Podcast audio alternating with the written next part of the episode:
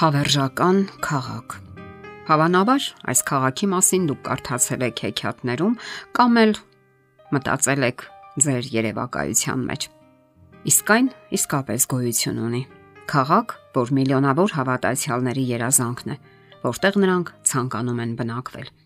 Իսկ հիմա պատկերացրեք ձեր սիրելի քաղաքը կամ գյուղը առանց փոսերի, առանց բարդ ու վտանգավոր երթևեկության, առանց աղտոտվածության կամ որևէ տեսակի հանցագործության անհնար է, կասեք դուք։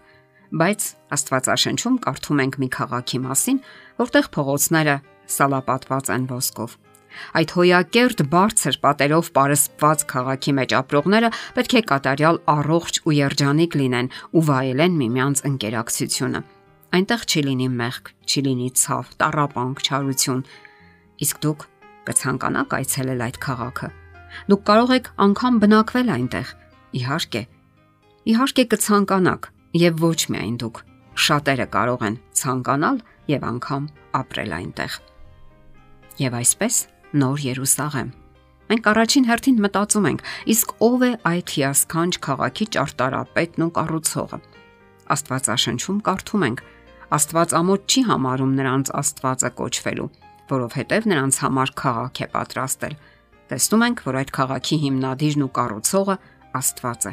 Հաջորդ հարցը, որ գալիս է մեր միտքը, այն է, թե որտեղ է գտնվում այդ քաղաքը։ Հովանես Առաքյալը իր հայտնություն գրքում գրում է. Տեսա Սուրբ քաղաքը, Նոր Երուսաղեմը, որ իջնում էր երկնքից Աստծո մոտից, պատրաստված եւ ինչպես իր ամուսնու համար զարդարված մի հարս։ Այդ քաղաքի կարևոր առանձնահատկություններից մեկն այն է, որ Աստված բնակվում է հենց այնտեղ։ Դավիթն իր աղոթքում ասում է եւ լսիր քո ծառայի եւ Իսրայելի քո ժողովրդի աղերսանքը, որ մատուցում են այստեղ եւ հիմա լսիր քո բնակվելու տեղից, երկնքից եւ լսելով ներիր։ Ուշագրավ է, որ Աստծո խոսքում նկարագրվում է նաև այդ քաղաքի չափերը։ Այն կատարյալ քառակուսի է եւ ունի 375 մղոն երկարություն յուրաքանչյուր կողմից։ Իսկ ինչպիսի պատեր ունի այդ քաղաքը։ Կարդում ենք. Հրեշտակը մարդկային չափերով չափեց պատը եւ այն 144 կանգուն էր։ Պարիսպը շինված էր հասպիսից։ 144 կանգուն ունեցող Պարիսպը, որը 216 ոտնաչափ բարձրություն է, շրջապատում է քաղաքը։ Պատերը կառուցված են ամուր հասպիսից, աննկարագրելի փայլով եւ գեղեցկությամբ։ Քաղաքի դարպասները մեծ ու բարձր էին, Այն ուներ 12 դուռ 12 մարգարիտներից, յուրաքանչյուր դուռը 1 մարգարտից։ Դռների վրա 12 հրեշտակներ, քաղաքի Պարիսպը 12 հիմք ուներ, դրանց վրա գառան 12 առաքյալների անունները։ Այդ Պարսպի հիմքերը զարդարված էին ամեն տեսակի թանկարժեք քարերով՝ հասպիս, շափյուղա, ագաթ, զմրուխտ, եղեգնակար, սարդիոն, ոսկեքար, բյուրեղ, տպազիոն, ոսկեկանաչ, հակինդ, մեղեսիկ իսկ ահա փողոցները մաքուր ոսկուց են, ինչպես թափանցիկ ապակի։ Աստվածաշնչում նկարագրվում է, որ այդ քաղաքի հրապարակի մեջտեղում գետի այս ու այն կողմերում կենաց ծառներ, որ 12 պտուղ էր տալիս, ամեն ամիս իր պտուղն էր տալիս, իսկ ծառի տերևները ազգերին բժշկելու համար էին։ Իսկ ովքեր կարող են բնակվել այդ քաղաքում։ Կարդում ենք Ով ականջ ունի թող լսի, ինչ որ հոգին ասում է եկեղեցիներին, հաղթողին թույլ կտամ ուտել կենած ծառից, որ Աստծո դրախտում է։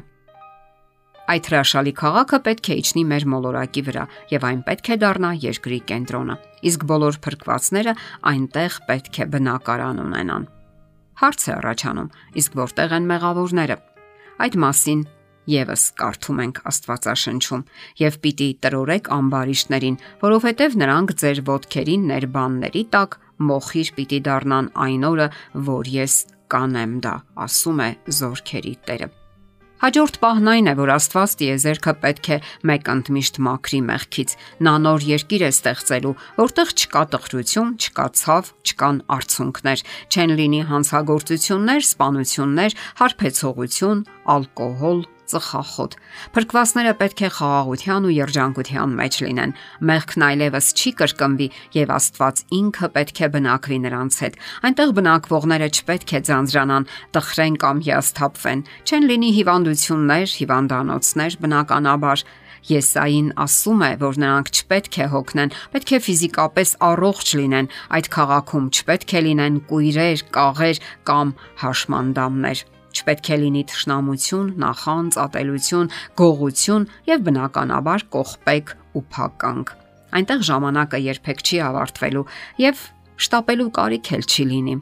անապատները պետք է այգիների վերածվեն, իսկ քաղաքը լիակատար խաղաղության օրրան կլինի։ Չեն լինի ջրհեղեղներ, մրրիկներ, երկրաշարժներ, մահ տարաժամեր։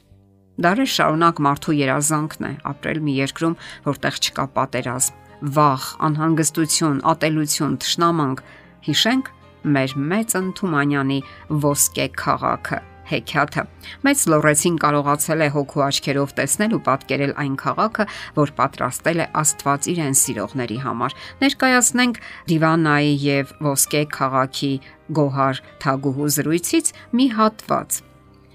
Այդ զրույցն ու ոսկե քաղաքում տեսածը մեկ ընդմիշտ փոխեցին Դիվանայի պատկերացումները կյանքի ու երջանկության վերաբերյալ։